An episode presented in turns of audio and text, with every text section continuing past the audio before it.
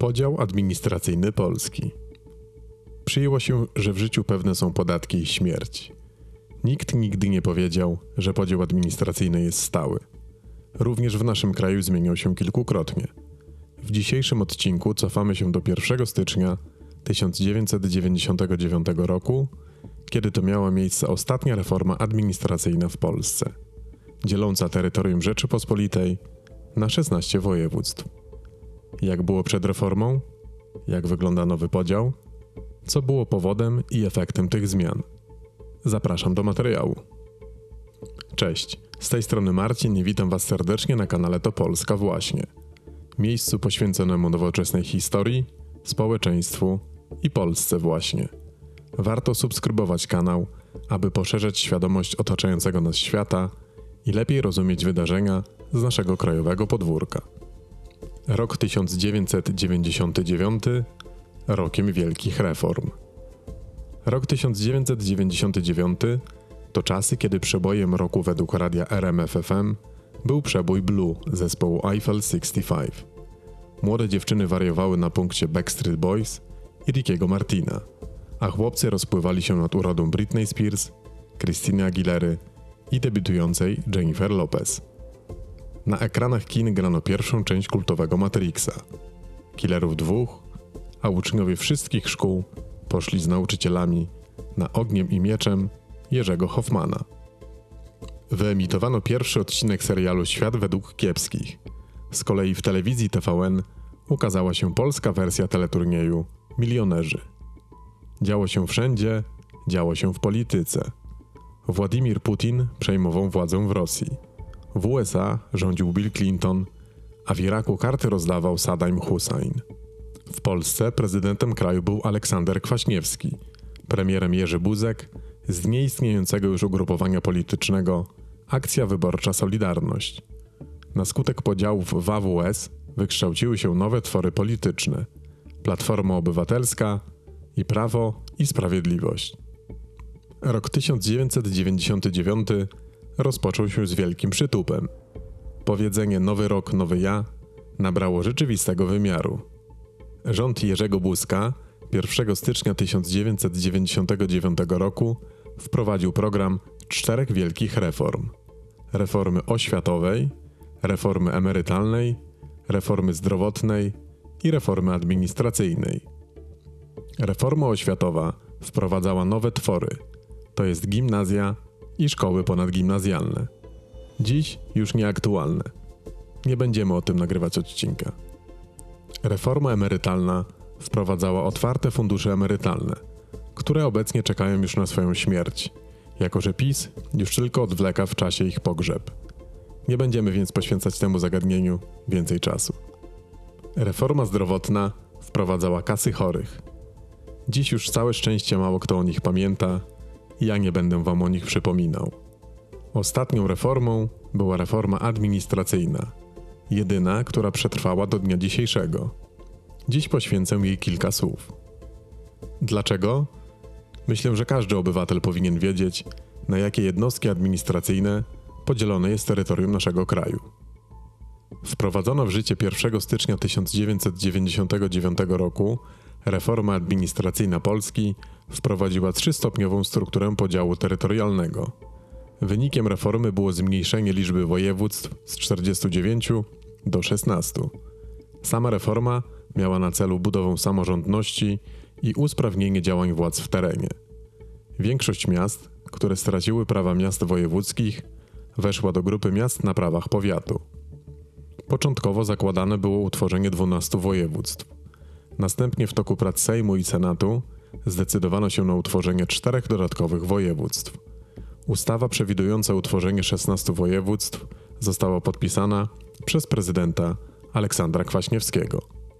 Wprowadzono trójstopniowy podział administracyjny i ten obowiązuje nieprzerwanie do dnia dzisiejszego. Jednostką pierwszego stopnia jest 16 województw. Jednostką drugiego stopnia jest 380 powiatów. Jednostką trzeciego stopnia jest 2477 gmin. Województwo jest najwyższą jednostką podziału administracyjnego Polski. Podział kraju na województwa ma swoje korzenie w okresie rozbicia dzielnicowego, a więc w latach od 1138 roku aż do koronacji Władysława Łokietka w 1320 roku. Cechą charakterystyczną tego okresu było postępujące rozdrobnienie państwa polskiego na coraz mniejsze władztwa terytorialne. Proces ten był związany z rozrastaniem się dynastii Piastów, której każdy członek, zgodnie z polskim prawem zwyczajowym, miał prawo do posiadania części ojcowizny. Podobne procesy zachodziły w dziejach państwa piastowskiego już wcześniej, jednak zwykle udawało się je w miarę szybko zahamować. Pierwsze województwa powstawały na przełomie XIV i XV wieku. Pierwotnie były to samodzielne zgromadzenia wojskowe na określonych terenach Polski, którymi zarządzali wyznaczeni przez władcę wojewodowie. Tyle historii. 15 października 2020 roku Główny Urząd Statystyczny przedstawił dane na temat liczby ludności zamieszkujących dane województwo. Z danych jasno wynika, że najludniejszym województwem jest województwo mazowieckie z liczbą ludności na poziomie 5 milionów 428 031 osób. Na drugim miejscu z wynikiem 4,5 miliona osób uplasowało się województwo śląskie.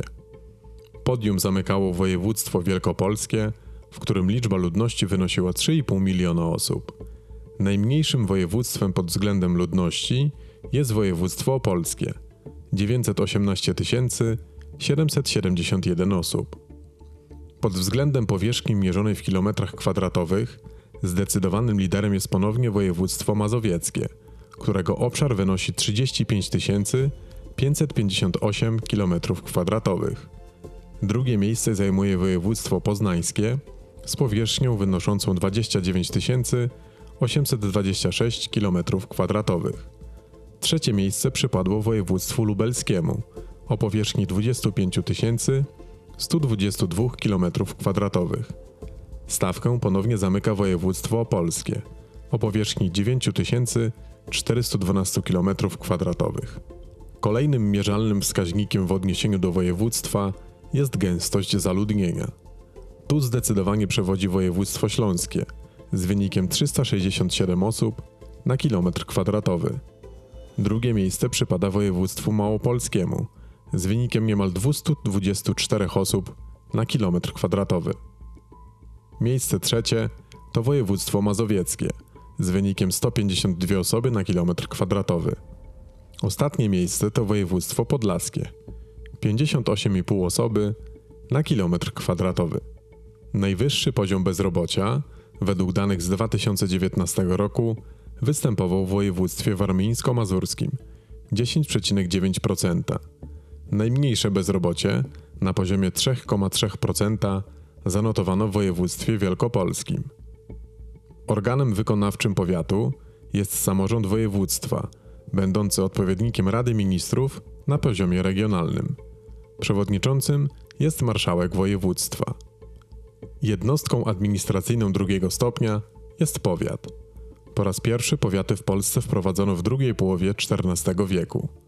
Powiat wykonuje określone ustawami zadania publiczne o charakterze ponadgminnym.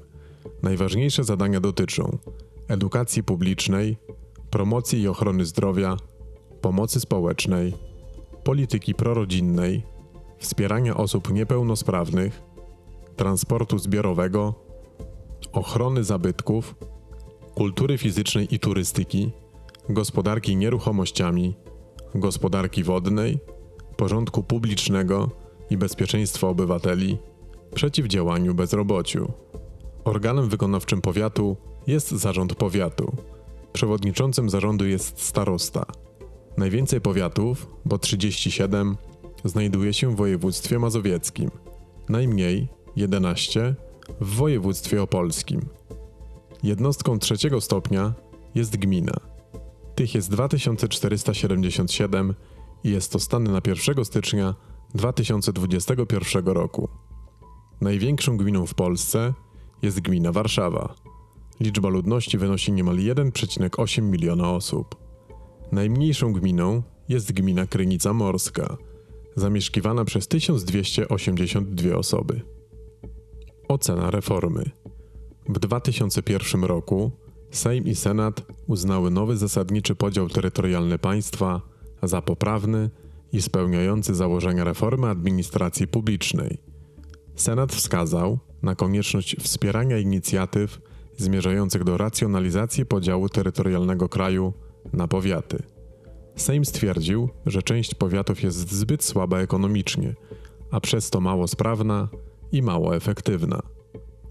Analiza potencjału rozwojowego jednostek powiatowych wskazuje na duże zróżnicowanie między miastami na prawach powiatu, a powiatami pozbawionymi ośrodków miejskich. Za korzystne dla wykonywania funkcji publicznych Sejm uznał łączenie się miast na prawach powiatu i otaczających je powiatów mających siedziby w tych miastach. Dziś w rytm hitu I'm Blue Dabu Diba Duda odbyliśmy nie tylko sentymentalną podróż do roku 1999, ale również dowiedzieliśmy się co nieco o podziale terytorialnym naszego kraju. To tyle na dzisiaj. Zachęcam do subskrybowania kanału. Odcinki znajdziecie na YouTube, Spotify i Apple Podcast. Ja jestem obecny na Instagramie i Twitterze. Konto to Polska właśnie. Do usłyszenia.